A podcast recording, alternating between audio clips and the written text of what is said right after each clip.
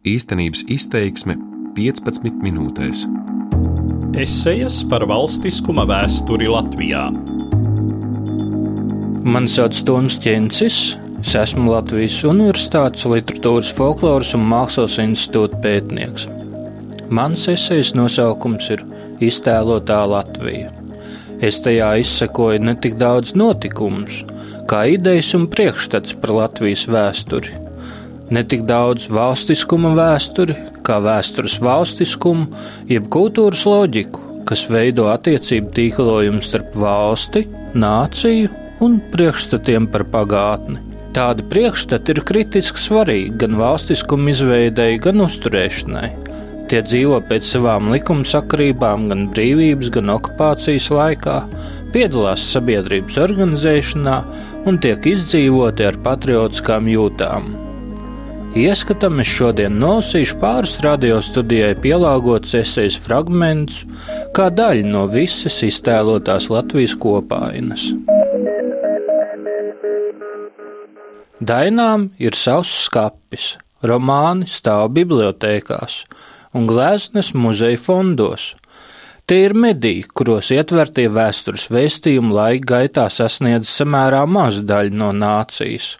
Pat pēdējā laikā uzņemtās vēsturiskās filmas labākajā gadījumā lepotos ar simts tūkstošiem skatītāju, kas nav pat desmitā daļa mūsu valsts iedzīvotāju.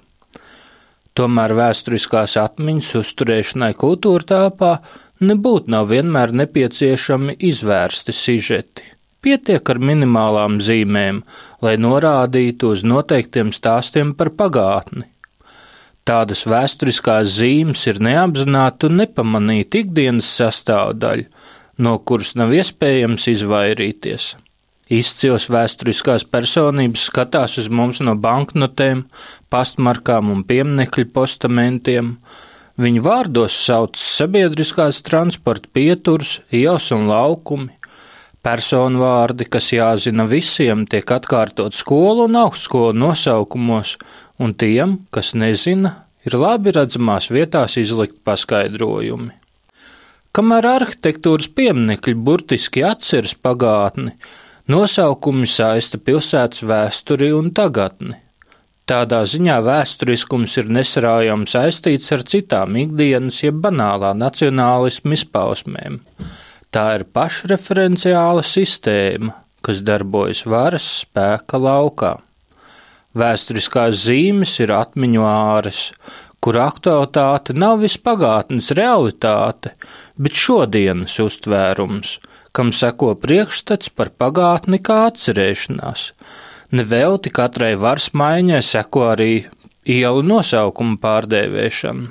Piemēram, Brīvības iela Rīgā Vienu gadsimtu laikā Aleksandrs II dod vietu brīvībai, ko nolāpa Hitlers un pēc tam savā aizgādniecībā ņem Ļeņins, līdz atkal tā kļūst par brīvības ielu.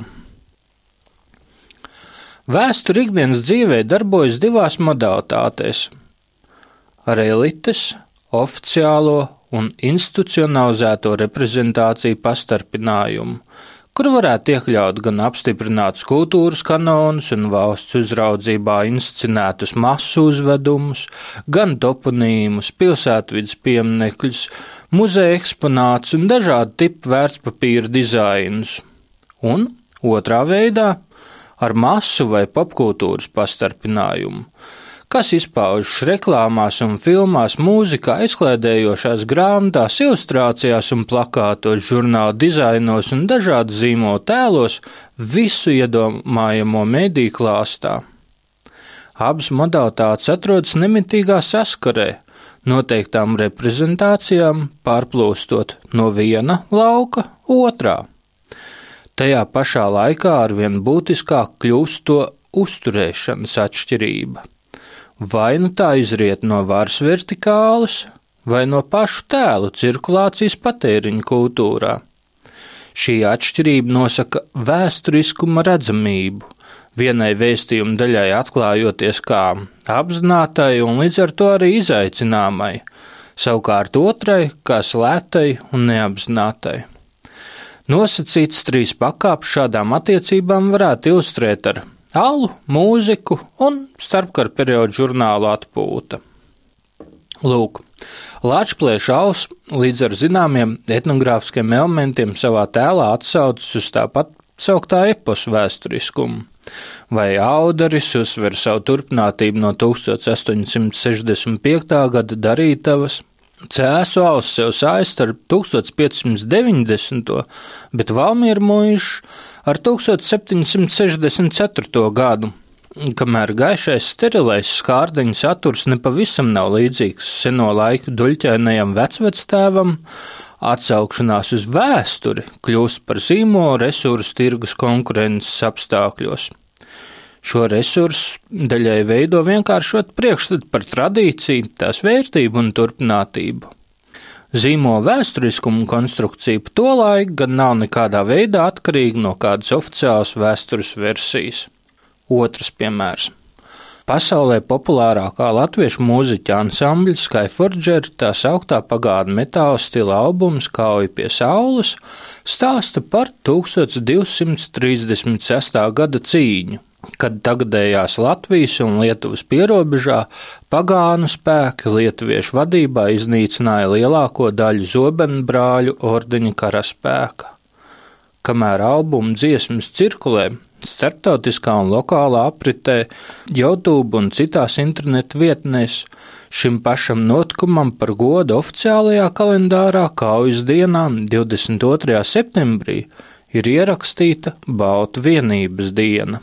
Diemžēl, bez aktīvāka valsts un kultūras industrijas atbalsta, kauja pie saules nevar īstenot savu simbolisko potenciālu vēsturiskajā atmiņā ne tuvu tik efektīvi kā 1389. gada Kosovas kauja tagadējo serbu vai mūsu eiras paša sākumu. Teituburgas meža kauja moderno vācu pagātnē. Pat Krievija mūsdienās meklē iespējas lielā tēvijas kara un Napoleona sagrāvas leģendas papildināt ar efektīvām diskursīvām konstrukcijām par savu priekšteču viduslaiku uzvarām. Trešais piemērs ir privātā kapitāla jeb popkultūras pilnībā pārņemts valsts ideoloģiskais vēstures vēstījums. To lieliski ilustrē 1939. gada 12. maija žurnāla atpūta vāks. Uz tā viņiete norāda uz jau minētā 15. maija apvērsuma 5. gada dienu. Savukārt fonā nocietināts pilskauns ar koku celtnēm, acīm redzami vēsta par pirmskristīgajiem laikiem. Abus vizuālos plānus un tajos ietvertos vēsturiskos momentus saista virkne Latvijas karogu un dizaina centrālais elements - vadoņa zīme, vārpu vainagā ietverts zeltīts vanaks. Kā privāts ģērbonis vai postiņu logotips, tas ir radīts kā daļa no iepriekšējā gada grandiozajām valsts jubilejas svinībām, atsaucoties arī uz Latvijas vēsturē lielāko masu uzvedumu atzimšanas dziesmu. Nauda. Publiskajā telpā nācijas vēsture un valsts heraudika darbojas vienā reģistrā, Maikls Biliks reiz rakstīja, ka banālā nacionālisma metonīmiskais tēls nav karoks, kas tiek apzināti vicināts kvēlā aizrautībā. Tas ir karoks, kas nemanīts karājas pie sabiedriskas iestādes ēkas. Līdzās karogam, kurš atsaucas uz vēstures mītos vai heraudikā balstītu, visiem zinām izcelsmes stāstu, un valsts pilsētu vai reģionu ģērboņiem funkcionē arī himna. Tās nozīme neveido tikai vārdi, bet arī atskaņošanas konteksts un visi tā bijušie konteksti. Skanot nācijas reprezentācijā nozīmīgā brīdī, tā ir tā pati himna, kas ir skanējusi iepriekšējos, vēl nozīmīgākos vēstures momentos.